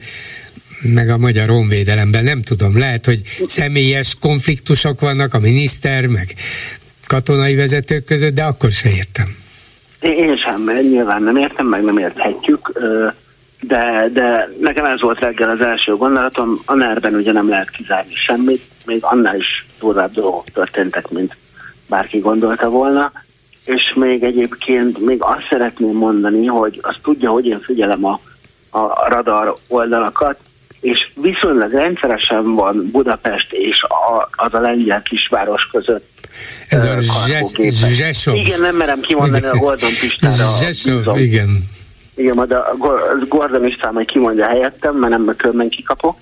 De, de, de viszonylag rendszeresen van Budapest és a között a ö, repülőtér között 747-es jumbók járnak általában az Atlas Air nevű kargó cég gépei szoktak Budapest is Aha. közötte járni. Hát vajon mit vehetnek? Hát biztos, hogy az ukrán gabonát viszik át Lengyel. Ja nem, mert nekik is Lengyelországban is sok van. Akkor nem tudom. Én sem, csak, csak ugye feltűnt, hogy, hogy viszonylag, tehát heti pár járatot látok hónapok óta. Aha. Igen, hát voltak erről szóló hírek, értesülések, nem annyira hírek, mint inkább értesülések, hogy más országokból Olaszországból, Törökországból, Bulgáriából, Magyarországon keresztül ment tovább, hát nyilván nem tettek nagy kerülőt Lengyelországba, valószínűleg egy dolgot tiltottak meg Orbánék, hogy innét Kárpátaljára vigyék a fegyvereket mondjuk. Ezeket Igen, a de Lengyelországban már biztos lehet vinni. Nyilván ezekben mi nem fogunk belelátni soha. De ön elég jól belelát, csak megnézi ezt a radar akármit követőt, és, és kiderül, hogy igen, visznek oda valamit. Nem tudjuk, nem látjuk, hogy nem mi van a gépen belül. nem, de csak azt látom, hogy van a, a két reptér között forgalom. Igen, így van. És egyébként, amikor múlt, múltkor beszéltünk, akkor Szijjártó 160 óránál járt, az március 13-a volt, most meg 290-nél. Nem mondja, tényleg? De, igen. Ke- 290, hát négy hónap se telt még el az évből. Így van, már megvan a, amit tavaly november végére sikerült abszolválni, hogy meg lett a föld távolság, most már a fele megvan. Naponta más, mennyit mondtad, hány órát? Hány óra van? Hár, 284 óra 58 perc. 284 óra, hát azt kell mondanom, hogy napi több mint két órát repülőgépen töltött. Uh-huh. Így van. Egyébként most is, most, most is repül. fővárosából jön vissza Pestre. Jaj, de jó. Hát, jó, ezúton is jó utat kívánunk a külügyminiszter úrnak. Biztos, biztos hallgatja, mert elég nagy internet számlákat szoktak fizetni. Lehet, hogy felszáll a repülőre, és azt mondja, hogy kapcsoljátok már nekem be a klubrádiót. Igenis, főnök, és... Jó van, jó hétvégét Köszönöm szépen, minden jót sok türelmet a dugókban holnapra mindenkinek. Minden jót. Viszont hallásra. A vonalban pedig Vadai Ágnes, a Demokratikus Koalíció alelnöke, országgyűlési képviselője, a Parlament Honvédelmi Bizottságának tagja. Jó napot kívánok!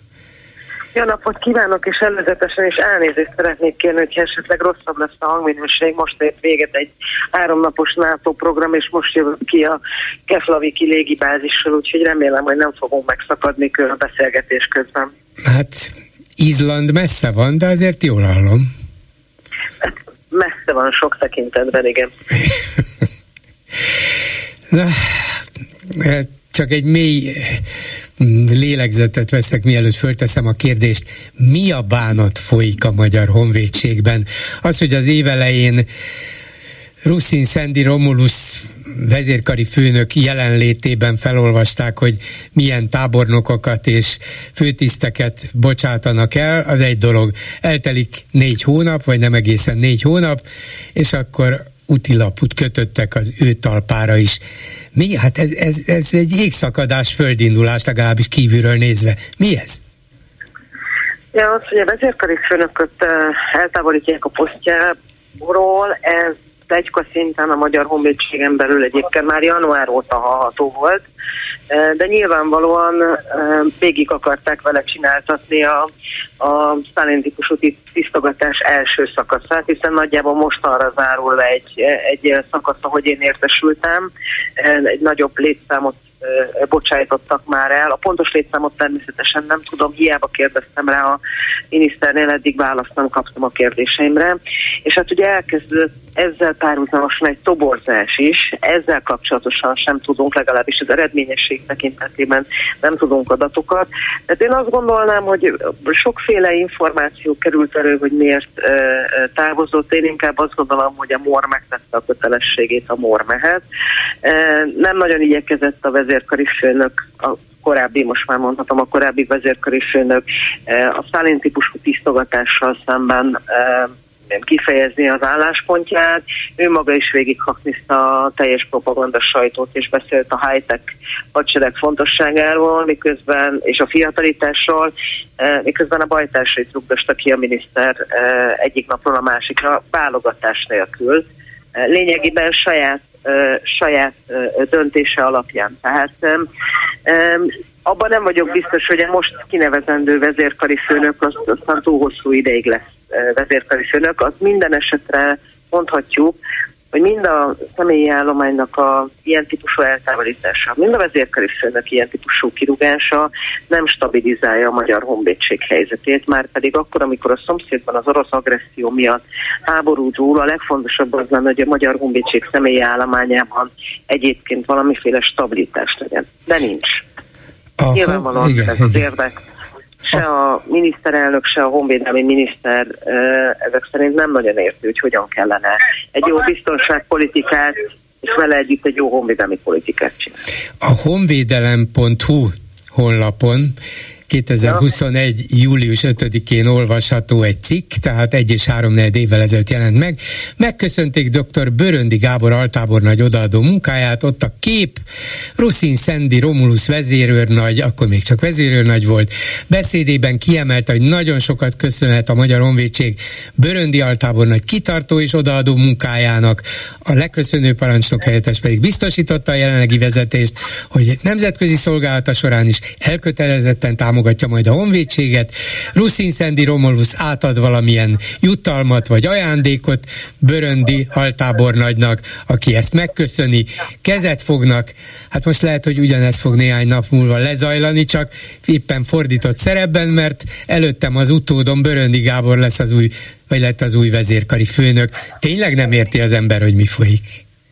Ugye talán emlékeznek arra, amikor a előző vezérkari főnököt, Koron Ferenc tábornok urat felállították, és vele együtt felállították egyébként a, a helyetteseit is, köztük, köztük Börönlit, és eltávolították, ez még Benkő Tibor idején volt, majd megérkezett a, az új honvédelmi miniszter, aki e, megtartotta egy darabig a, az akkor kinevezett vezérkari főnököt, ám visszahozza a Böröndi Gábort, aki egyébként nem erről ismerkszik meg a különböző berkekben, hanem arról, hogy ő volt az egyik ülnök azban a katonai tanácsban, amely a Szívási György elleni perben tevékenykedett, és aki ezek után rögtön a szárazföldi erők parancsnokával avanzsált elő. Úgyhogy vannak ott azért előéletek eh, a tábornoki karban is. Minden esetre őt már egyszer mondhatjuk azt, hogy onnan kibuktatták, és most visszahozzák. A kérdés az az, hogy mennyi időre mert most már azt hiszem, hogy elnézzük, hogy hogyan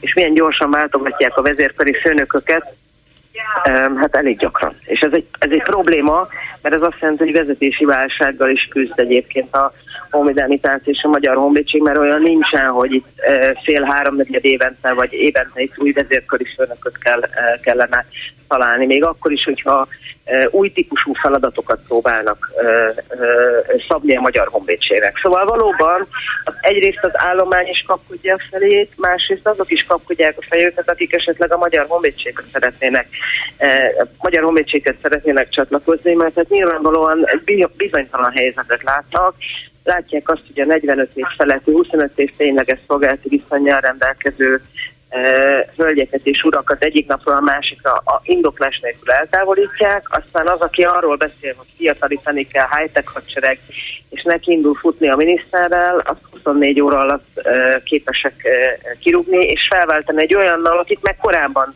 rúgtak ki a parancsnok vezérkarfőnök helyettesi posztjából. Szóval Ilyet szerintem akkor látunk, hogyha nem teljesen világos a, a honvédelmi politika iránya, és ez összefügghet azzal, hogy nem teljesen világos a jelenlegi kormány külpolitikai e, és szövetségesi politikájának iránya sem. Tehát, Azt látjuk, hogy a külügyminiszter gyakrabban utazik Minszka és Moszkvába, igen. mint mondjuk a NATO között. Hát persze, igen. De ugye tudjuk, hogy ebben az országban minden jelentősebb dologról maga Orbán Viktor dönt. Én azt nem tudom elképzelni, hogy Szalai Bobrovnicki Kristófnak nem tetszik a honvédvezérkar, ezért kirúgdossa őket, aztán nem tetszik a vezérkari főnök és leváltja, és hoz valaki mást.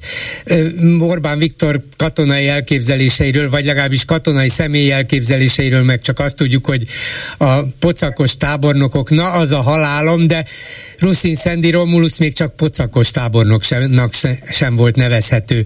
Szóval Valóban az lehet itt a magyarázat, hogy Orbán Viktor még nem döntötte el, hogy mekkora mozgástere maradt ebben az ukrajnai háborúban, illetve az amerikaiakkal folytatott húzavonában, meg a NATO-val kapcsolatos egyre kínosabb perpatvarban, és ennek megfelelően lehet, hogy valami pótcselekvés, vagy ehhez próbál különböző sakfigurákat mozgatni? De én azt láttam világosan, hogy Orbán Viktor számára a hadseregről volt szó, a legfontosabb a hadidegzé beszerzések kérdése volt. Aha. Tehát az kifejezetten fontos volt, arra szánt, és most is szán a költségvetésből eh, ezer milliárdokat, mert ilyen pénzekről beszélünk, tehát az, az lényeges volt ezek a beszerzések, hogy politikailag fontos, megalap, számukra fontos és megalapozott döntések voltak, ez, ez, ez világos volt. Politikai szempontból voltak, akár egy Németországgal, Törökországgal, vagy éppen a korábbi brazil elnök idején kötött, Bra, Brazíliával kötött szerződések. Tehát szerintem ezek voltak a fontosak. Ugyanakkor nyilvánvalóan ők is rájöttek, hogy ezeket az eszközöket valakikkel működtetni kell. De ennek nem az a módja, mert hogy nem az a módja, amit most csinálnak, hogy kirúdossák ezeket az embereket, ennek az lenne a módja, hogy a Magyar Honvédség állományát kikészít ezekre a feladatokra. Most ugye pontos adatokat nem tudunk, mert nem nyilvános, de nagyjából már korábban is arról lehetett hallani, hogy 3-5 ezer fő közötti hiánya küzd a Magyar Honvédség. Emellé jön még most itt nagyjából ezer ember, akiket kirúgdosnak, és még ki tudja, hogy a második szakaszban egyébként kiket ö, ö, raknak ki. Ez azért most már a Magyar Honvédség működőképességét is veszélyeztetheti akár. Plusz egy fejetlenséget és bizonytalanságot szül a hadseregen belül. Tehát szerintem a, az Orbán számára a hadsereg az csak pénz. Számára ez csak beszerzési kérdés volt. Azt viszont el tudom képzelni, hogy a Szalai a saját tehát az, az új miniszter, a honvédelmi miniszter a saját ö, ö, lehetőségét szeretné tágítani azzal, hogy, hogy, hogy megpróbálja ezekkel a személyügyi változásokkal hogy milyen magára vonni a figyelmet, mert egyébként mással nem igen sikerült az elmúlt ö, ö, időszakban magára vonni a figyelmet, azzal például, hogy azt nem bírta elérni sem ő, sem a magyar miniszterelnök, hogy a Fidesz-KDNP frakciót támogassa például Svédország csatlakozásán a NATO-hoz, ami azért egy egészen vicces helyzet, de mégiscsak ez a kommunikáció, hogy a honvédelmi miniszter és a Magyar, Magyarország miniszterelnöke nem tudja rávenni a kormánypárti frakciót erre a döntésre. Tehát én, én nem azt látom, hogy, hogy a miniszterelnöknek ebben bármilyen nagy elképzelése lenne, őt csak is kizárólag a beszerzések ugye érdekelte, uh-huh. egyéb már nem annyira. Egy dolgot kérdeznék még, hogy az elmúlt jó negyed évben nem volt olyan elbocsátott tábornok, főtiszt, aki hát úgy bizalmasan elkezdett volna mesélni arról, hogy hát szerintünk ez is ez történt, vagy ez is ez magyarázza. Mindenki hallgat, mindenkire ráragasztottak valami vagy, vagy ilyen pillanatragasztóval bezárták a száját, és senki nem beszél, hát pedig itt biztos sok sértett és, és panaszos ember van közöttük. Tudjuk, hogy van katonai fegyelem, meg nyilván vigyázniuk kell, hogy kinek mit mondanak, de semmi nem szivárgott ki. Először is ne felejtsük el, hogy ezeknek az embereknek e, a legnagyobb része a 45 életévét betöltötte, tehát még nagyon messze van a nyugdíjkorhatártól, úgyhogy ahhoz, hogy, hogy ő fel, fel tudják tartani a családok, családjukat, ki tudják fizetni a gyereknek mondjuk a menzát, e, e, meg el tudjanak menni néha nyaralni, ami nem egy nagy luxus, de lassan az lesz, ahhoz nekik állásra van szükség. Hát ezt pedig ismerik, hogy hogyan működik Magyarországon, tehát azért képesek emberek után utána nyúlni. Ezzel természetesen nem azt akarom mondani, hogy nincsenek olyanok, akikkel ne sikerült volna beszélni e, ezekről a, a dolgokról, de látható módon nincs az elbocsátások ö, ö, tekintetében olyan típusú objektív rendszer, ami mérhető lenne. Nem is véletlenül mondtuk azt, hogy ez egy szálléni típusú tisztogatás, hiszen itt úgy ahogy jól esett uh-huh. egyébként idézőjelveteiben a miniszternek, úgy válogatta Igen. ki ezeket az embereket. Szóval a tisztogatás a lényeg, meg a megfélemlítés a lényeg, és nem is az, hogy éppen kiesik bele?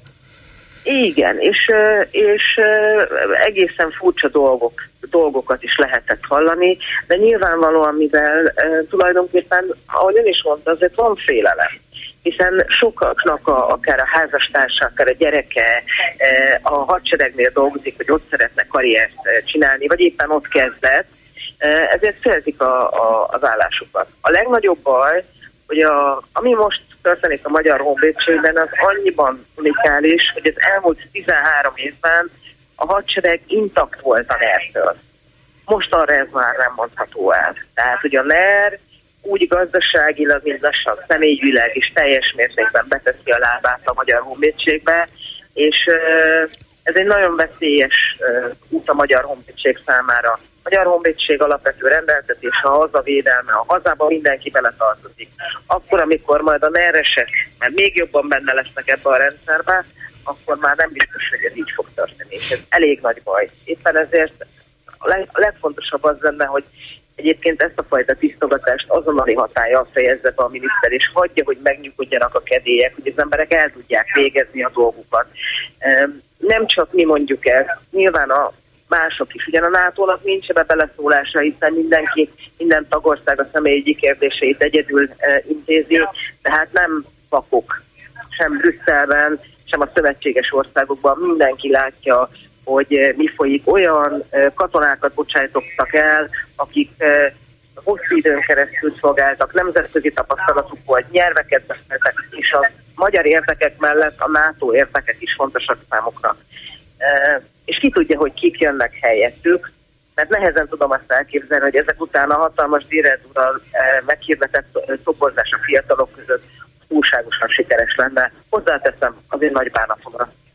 Köszönöm szépen Vadai Ágnesnek, a DK országgyűlési képviselőjének. Viszont hallásra! Köszönöm szépen, viszont hallásra! Háló, jó napot kívánok! Jó napot kívánok, Káló Sándor vagyok. Hát pártról beszéltünk. Parancsoljon! Hát most én a magyar televízióban dolgoztam végem, és hát most a svéd NATO tagság bekattant, ez csak egy mellékes, nem erről akartam beszélni. Reggel bekapcsoltam a magyar tévét, ott még a külügyminiszter úr elmondta, hogy a utolsó két magyar ember, két gyereket a svédek közelműködésével hazahozták. De ez még csak egy szerény képességű szerkesztő csúszott át, mert délben megmutálták ezt az anyagot, és ez nem hangzott el. Déli hírek. Uh-huh. Na most akkor a, a, a pápa látogatással. Én kétszer do, do, jött itt a második pál pápa Magyarországra, 91-96-ban, egyszer Győrbe, Esztergomba, ment egy máshova is, de én egy Győrbe és Esztergomba is a hősök terén dolgoztam, és a nagyszerű Fidesz amikor még KDNP létezett, akkor még parlamentbe is jártam közvetíteni. Mit kiabáltak? Tuhások térde imához. Most meg a vén demens jön ide, ugye? Mondta a Igen, mondta az ötös számú. Ötös számú párt, igen, most akkor meg percenként bemondják a magyar televízió, hogy már hány másodperc van hátra, hogy még jön a pápa hozzánk.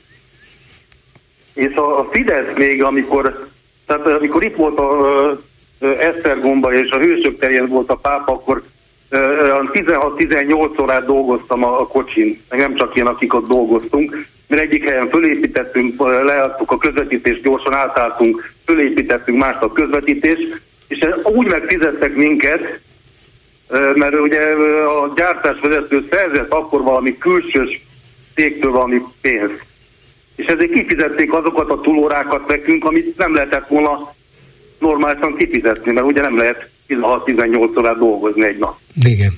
Mit csinált akkor a Fidesz? Ő jelentette a magyar televíziót. Az összes kollégámmal együtt jártunk a Gyorskocsi utcába kihallgatásra. Remek. Hogy loptuk el a pénzt, meg ilyesmi. Jó pofa, nem? Most megint bemondják, hogy mikor jön a demens pápa hozzánk. Igen, igen. De hát mm, politikai, politikailag ez nagyon jól jön. Úgy, úgy érzékel, vagy azt érzékeltetik, hogy hát végül is a Szent Atya velünk van. Hát azt mondja, azt képviseli, amit mi. Ő is békét akar, és rajta kívül csak Orbán Viktor az, aki békét akar. Meg talán Putyin, de hát ő háborúzik éppen éppen megmondta a pápának a titkára, vagy valaki küldi, küldi, nem tudom már neveket, hogy úgy lehet béke, hogy ahol szok hazamennek. Ez a pápa álláspontja is gondolom. Ja, nem igen, az igen, igen, igen, igen. Békét akar, persze ezt hangsúlyozza, csak azt mondja, hogy hát az oroszoknak el kell hagyniuk az elfoglalt területeket, igen. Hát, és most a, a, a, hogy mondjam, a Orbán Viktor úgy tudom, hogy református. Jól tudja. Mit keres egy katolikus templomba a pápánál? Hát nem tilos bemenni, nem tilos bemenni a katolikus wow. templomba. Wow. Uh, 40 milligátort, nem is tudom, hogy melyik szerző írta, már csak most bekattant az agyamba. Katolikus meg a református egyház közti hatalmas harcról szólt ez a dolog, ugye? Jól emlékszem. Ó, De hát... ez nem biztos. Valami ilyesmi volt. Igen, természetesen voltak komoly, komoly konfliktusok a katolikusok és reformátusok között. E, hát szóval... Hozzáteszem, nem vagyok vallásos, tehát nem nagyon érdekel a dolog, csak ez, ez, ez a két éli dolgot, hogy most csókogatják a, a gyűrűjét a pápának, demens védember, stb. stb. Hát ki, kihasználják az ebben rejlő lehetőséget, meg azt is, hogy a világon azért Ferenc pápát nagyon nagy tisztelet, övezés, nagy figyelem, mert másfajta pápa, mint például az elődje volt, sokkal nyitottabb, sokkal érzékenyebb a mai világ problémáira és, és fejleményeire, és bár Orbánik hát, éppen ezért, éppen ezért utasították el, de... Az nagyon jó az a szemléleknek a a plakátakció, igen, kiírta, hogy mit mondott igen, a pápa. Igen, igen, igen. De Orbánéknak éppen ezért nem tetszett, de most, hogy úgy érzik, hogy az aktuál politikában milyen jól jönne, ezért kapva kaptak az alkalmon. Most áttérnek egy másik témára, amit hetekkel ezelőtt is akartam telefonálni, gyorsan befejezem. A tanárokról mondtam egyszer, hogy nem lesz belőle semmi, mert 30%-a öreg már a tanároknak várják, hogy menjenek nyugdíjba, ők nem foglalkoznak ezzel, 30%-a legalább Fidesz hívő, 5-10%-os mondjuk a szervezettség a szakszervezetbe, a másik részét meg nem érdekli a dolog. Tehát nem lesz ebből semmi. Amikor a narancsága hajú Szabó tünde, vagy hogy hívják, Igen. azt mondja a televízióban, hogy jó, jó kedvű tüntetést tartottunk. Hát ebből, ne, ebből nem lesz semmi. Nézzenek meg egy francia tüntetést, hogy milyen jó kedvel tüntetnek ott. Igen, igen. És a most, most jön, még egy mondatot mondanék, hogy most jön a, a, az Ungár Péter meg a, az LMP. Amikor véletlenül Debrecenbe átengedték ezt a népszavazást az akumgyár ellen, akkor elcsúszott a Fidesz, átcsúszott. Később rájöttek, hogy nem lesz ez így jó, majd szóltak az LMP-nek szerintem, és akkor elkezdték mondani, hogy országos, nem vették fel a szavazókat. Akkor igen, akkor visszaléptek a helytől. Országos. Utána persze, hogy letiltották, nem lesz belőle semmi. Most nagyon veszélyes a helyzet, mert a, a diákok kezdtek mozgolódni. Mit mondott Ungár Péter? Hogy a pártok tartsák távol a tanároktól magukat. Meg megint rájuk szóltak. Hát nem azt mondta, hogy tartsák távol, hanem hogy ne furakodjanak eléjük, hanem álljanak ja. mögéjük. Igen, na, de hát ez megint, az megint oda szólt a Fidesz nekik, hogy hogy oszlassák a népet, mert ez nagyon veszélyes dolog, amikor a diákok elkezdenek mozgolódni, mint 56-ban. Igen, bár nem olyan a helyzet, meg nem is olyan a hangulat, de, de én is furcsálom a, az LMP-nek ezt a távolmaradását, sőt, hogy még rá is szól a többi pártra, hogy mit ugrálnak. Hát én egyértelmű, hogy a Fidesznek a, a, a beépített emberei vannak ott, és beszusszantak a pártba, mert összefogtak, mert különben az MSZP se jutott volna, de az LMP se, stb. stb. A párbeszédről nem is beszél, de katasztrófa ez az ország, katasztrófa. Hát, mi is itt élünk, megváltoztatjuk, jó? Hát, Köszönöm. Hát, én, én mindig ellenzéki vagyok, dékás,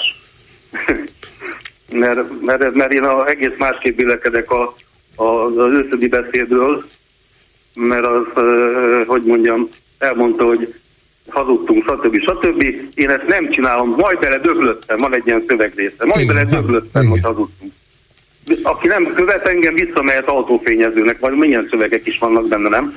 Van, persze, sok. Ez egy nagyon színes beszéd volt, csak hát az, az volt a baj, hogy nyilvánosságra került. Hát a félkező óriásunk kihozta szerintem. Megkapta a jutalmat. Köszönöm szépen, viszont hallásra. Köszönöm szépen, viszont hallásra. Háló, jó napot kívánok. Jó napot kívánok. Lehet, hogy én kerültem a vonalba? Ez egészen biztos. Ö, hát bemutatkozom, hogy Feri vagyok mondjuk, és ö, azt szerettem volna megosztani a hallgatósággal, hogy ö, emlékszem arra, hogy 2010-ben, amikor az Orbán kormány hatalomba került, az egyik, egyik első intézkedése az volt, hogy törvényt alkottak a, a pofátlan végkielégítések ellen. Bizony. Amiben, ami belekerül, amiben belekerültek a magas beosztású tisztviselők, akiket elbocsátottak, de belekerültek tanárok is, akik 20-30 év ledolgozott munka után kaptak egy jelentősebb végkielégítést.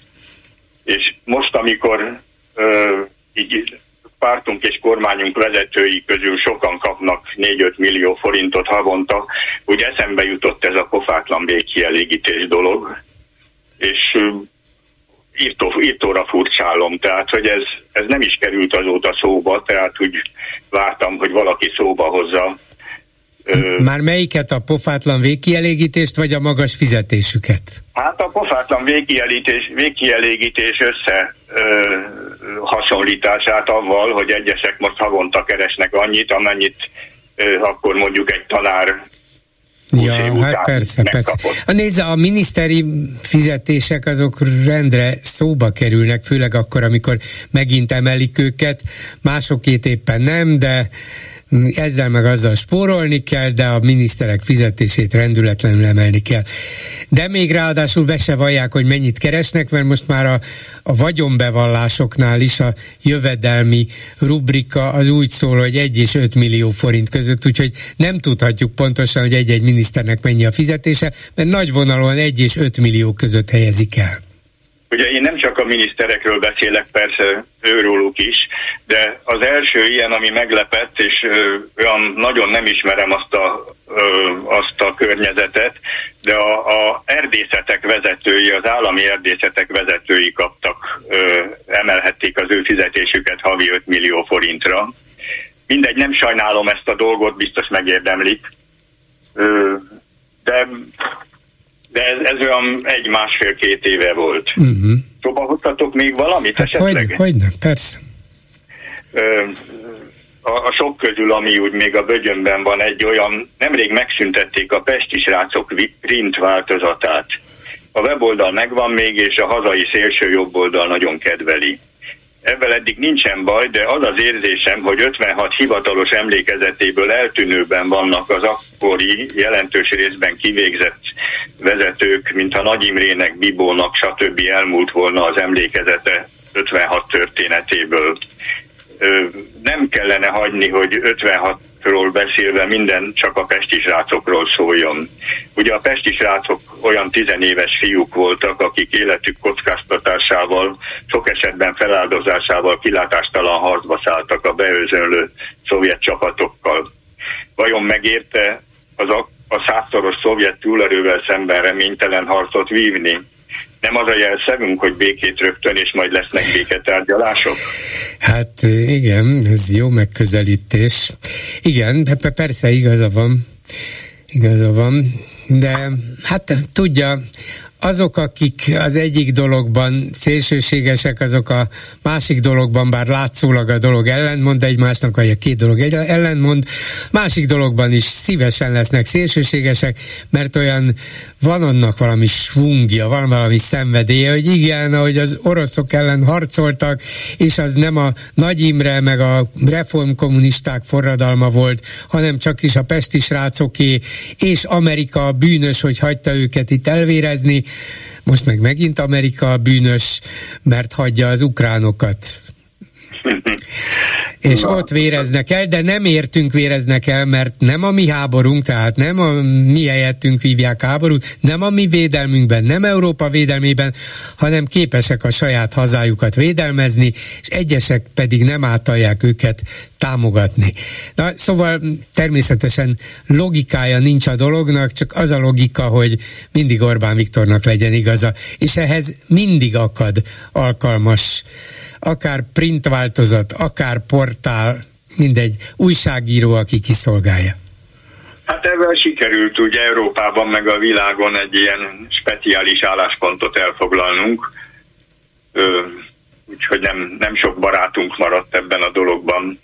Igen, de ez meg azt a képzetet erősíti, ami nagyon sok magyarban benne van, hogy mi mindig egyedül voltunk, nekünk mindig egyedül kellett küzdenünk a fennmaradásunkért. Orbán Viktor ezt nagyon jól érzi, és szembe is tud szállni ezekkel, az erősebb hatalmakkal is, és megvéd bennünket, mert hát egyedül vagyunk, hát értsétek meg. Én már megértettem. elég, elég hatásosan mondtam akkor, jó? Köszönöm Igen. szépen. Köszönöm. Viszont hallásra. És mit írnak a Facebook oldalunkon, Lőrinc Saba? Nem jó, mert még nem vagy bekapcsolva. Most. Szia Gyuri, köszöntöm a hallgatókat. A kommentekben már fel is vázolták a legfontosabb kérdéseket. Váratlanul leváltották a katonai vezérkar főnökét, váratlanul lemondott Sádl György, és még nincs 18 óra. Jaj, jaj, jaj, jaj, de sokat ígérő ez a pont, pont, pont. Kimondhat le 18 órakor? Mm, nem tudom, de lennének ötletei, hogy kinek igen, örülnénk. igen, így van, igen. Várjuk a pillanatot, hát ha. Eddig miért nem mondott le Sádl, kérdezi az egyik kommentelő. Ennyi idő kellett a bizonyítékok eltüntetéséhez? Az ingatlanokat a családtagoknak nevére átiratni? Külföldi bankba kimenteni a rablott pénzt? Tényleg nem értem. Abszolút nem értem, miközben sokszor már kiderült, hogy bizonyos dolgokat el kellene intézni, de nem lehet, mert, mert ő még mindig a végrehajtói kar elnöke, és kellene hozzá ő is. Miért nem lehetett eddig leváltatni, vagy lemondatni? mint ahogy azt se értem, hogy ez miért nem automatikus. Előzetesben van, nagyon súlyos bűncselekménnyel vádolják, hogy maradhat ott a végrehajtói kar élén érthetetlen. Feladatát el tudta látni? Nem tudta ellátni. Innentől kezdve ez elég egyértelmű Igen, a kérdés számomra. az, hogy mit tudott ellátni e- ebből a posztból, miért kellett ezt még ott tartani nála. Ami pedig a vezérkari főnök leváltását illeti, azért ez már a plafon. Olyat már hallottam, hogy a helyi kiskir, kiskirály indoklás nélkül simán kirúg embereket, de még ilyet nem, hogy egy vezérkari főnököt indoklás nélkül egyik napról a másikra. Hát az, hogy egyik napról a másikra, az mondjuk, bár normális országokban például úgy van, hogy Egyesült Államokban vezérkari főnökök egyesített bizottságának elnökét, ettől eddig, és ugye nem szokás kirúgni máról holnapra.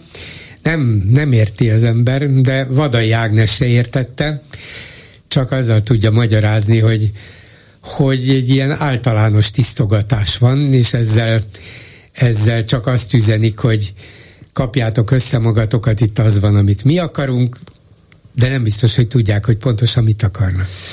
E, igen, és ezen, ezen a vonalon nagyon hosszan beszélgettek a kommentelők. Hát szerintem van esély rá, írja a következő, hogy Romulusszal vitetik el a balhét a kitudódott ukrán helikopterek miatt. Nem, nem, nem, nem. Hát ez nem is létezik. Azt, azt nem, ezt száfoljuk. Attól, hogy ott láttak francia helikoptert, és akkor mi van, jó napot kívánok. Azt is látták, hogy átrepültek Kárpátalján? Nem látták. Na ugye? Jó, hát ez, ez, ez, ez védhetetlen. A katonai vezetés, tisztcserék, megelőzés, előkészítés, előbb-utóbb erőszakba forduló elégedetlen kormányváltó lincselések biztos kezeléséhez így vélekedik egy következő kommentelő. Én nem számítok nem. arra, hogy ilyen probléma lenne. Nem, nem, nem. És lám, ugye az elbocsátott tábornokok, tisztek is csendben vannak. Mindenki Igen. csendben van. Nincs itt semmi látnivaló. Igen. Egy másik gondolat. 2023. április 27-e, Varga Judit, megvan a brüsszeli zöld lámpa. 2023 ugyancsak április 27-e, május végén újra meghallgatnák Varga Juditot ott Brüsszelben. Jó, hát be kell nyújtani ezt a bizonyos törvényjavaslatot, el kell fogadni. Az is lehet, hogy a Fidesz frakció bizonyos tagjai azt mondják, hogy nem, nem, soha nem, nem, nem, nem engedünk Brüsszelnek. És Orbán Viktor hiába fogja nekik mondani, hogy hát de szavazzátok meg, hát elfogadták az Európai Bizottságban is, meg a kormány is támogatja, de azt mondja a Fidesz frakció, hogy nem, és Svédországot se engedjük a NATO-ba. Mire Orbán Viktor azt mondja, megadom magam. Azért azt, azt megnézem. Le ne nyeld a nyelvedet. Régóta az a véleményem, hogy azokban az országokban tud tartósan hiteles baloldal működni, ahol a szakszervezetekkel együttműködnek a baloldali pártok, így az utolsó komment. Ezt igazolta az interjú hangragozó Gáborral vélekedik a hozzászóló, szívemből beszélt. Igen, érdemes figyelni, vagy tanulni abból, hogy mit csinálnak a skandináv országokban a baloldali pártok, szocdem pártok, szakszervezetek az a kérdés, hogy egy az egyben átvehető mások azért a körülmények, más ereje van a pártnak, más ereje van a szakszervezeteknek, de az, hogy valamiféle szorosabb, egyeztetettebb együttműködő munkát végezzenek, az biztos segítene mind a kettőjük. Egyáltalán mekkora mozgástere van ma Magyarországon a szakszervezeteknek? Ilyen együttműködéshez? Mennyire vehetjük őket hozzá? Hát nem, nem tiltja meg neki, jó, a Fidesz rögtön rájuk támadna, hogy lá, ismerjük ezeket a szakszervezeteket, összefeküdtek az ellenzéki pártokkal, vagy a baloldaliakkal, de nem tiltja ez semmi sem. Hmm. Ennyi lett volna a komment szekció. Köszönöm szépen, egy hallgató a vonalban, jó napot kívánok! Jó napot kívánok, szervusz! Szervusz Balázs! valamennyi klubrádió hallgatót, meg úgy egyáltalán e hazának valamennyi lakóját. Egy József Attila idézettel kívánok hozzászólni az eddigi ma elhangzott problémákhoz. Magyarok, minek magunkat lassan ölni? Nem jobb egyszerre megdögölni, mint rokkant lábbal, tántorokba, viszes, vak szemmel, csillagokba, rossz, messzi csillagokba nézni, és régi dicsőséget idézni, idézni mind-mind mi ősi ódon, hogy hát ha mégiscsak megszállna az Úristen valami módon. Minek magunkat lassan ölni? Gonoszság helyett búza nől ki az égről földbe húlt szívünkön, de igaz nótás, füttyös másnak. Magyar, köszönj az elmúlásnak. Nincs mit kereskedj már e tájon. Akad legény ki ideáljon, s ásóját vígan földbe szólja. Mit nyöszörögsz? Nem akarsz halni? Hisz életünk úgyis csak talmi, és nem is nagyon kell már akarni. Akaródik ez nélküled, agyadban, bár égi homályba zárt riad baromként bőv a rémület. Hát igen, József Attila mindent előre megírt, és jobban, mint bárki más, mint aki most él, annál is jobban. Itt tartunk. Hát nem, igen. nem kell ezen sokat töprengeni, meg beszélgetni. Ennyi. Igen, de, de azért mégis csak élni kell, nem? Hát valami módon. De ott van a szövegben, akaródik ez már nélküled. Nem, annyira kívül vagyunk azon, amit én nagyon-nagyon tisztelem ezt a, az országot, meg ezeket az embereket, akik telefonálnak és előállnak mindenféle ötletekkel, és azt hiszik, remélik, hogy ezt meghallgatja a többi hallgatón kívül a hatalomban lévők közül bárki. Dehogy is. Nem törődnek ezek itten már velünk. Hát ha hatalomban élők, ha a hatalomban élők nem hallgatják is meg, de hogy hát ha meghallgatják olyanok, akik aztán tudnak is valamit tenni, vagy képesek lesznek valamit megszervezni, és így tovább. De kedves bolgár Gyuri bácsi, vagy hogy hívnak, bolgár úr, nem veszük észre, 2012-ben, vagy 2002-ben született az új alaptörvény, ami a Nemzeti Együttműködés rendszere mm, címet viseli. Itt se nemzeti, se együttműködés, se rendszer nincs. Ennyi. Igen, igen, jó, és igaza van József Attilának, hogy magyar köszönj az elmúlásnak, nincs mit kereskedj már egy tájon, akad legény ki ideáljon, és ásóját vígan földbe szúrja. Igen, akad legény, ott van, ismerjük, tudjuk, de hát ha lesz egy másik legény a gáton, odállja, odáll, és az ő ásóját is földbe szúrja, és azt mondja, te menj innen, elég volt. Mm, ne, na jó. hát félreérted szerintem a verset, mert nem az a legény, aki az ásóját van földbe szúrja, az nem a, az Orbán Viktor. Hát én is abban reménykedem, hogy akad legény, aki ki ideálljon, és ásóját vígan, fő, vígan földbe szúrja. Remélem, hogy lesz valaki, aki, és szerintem a hallgatók is ebben bíznak, lesz majd valaki, aki mégiscsak azt mondja, De hogy kezdjünk. Csak bízni elég, elég most már a bizakodásból. Tenni kéne valamit. Tenni, tenni, tenni, hogy Petőfi Sándort idézem, megint csak beszélünk, beszélünk és beszélünk. Jó, hát nem hallhat mindenki hősi alált, mint Petőfi Sándor, de ő is csak beszélt, beszélt és írt, és beszélt. Ez fontos. Igen, Igen csak egy kordonbontás gyanútól még nem történik semmi. Nem kéne abba hagyni. Olyan gyorsan abba marad itt minden. Na jó, igen, ne, ne hagyjuk, az, azért is beszélünk, meg azért is reménykedünk, hogy ne maradjon abban minden gyorsan. Nem találjuk a megoldást, persze, de egyszer csak jöhetnek olyan körülmények, amikor meg lesz. Hirtelen összeállnak a dolgok. Igen, egyszer csak. Na jó vége a műsorodnak, Gyuri Isten áldjon, téged is, meg a kedves hallgatókat is szervusztok. Szervusz, köszönöm szépen a József Attila verset, úgyhogy tanultunk megint minden jót, jó egészséget. Ezzel a megbeszéljük mai műsora véget ért. Készítésében közreműködött Zsidai Péter, Lőrinc Csaba, Erdei Tünde, Balok Kármen és Túri Lui. Bolgár Györgyöt hallották, viszont hallásra holnap. Most pedig jön az Esti Gyors. Megbeszéljük. Bolgár György és a Hallgatók műsora.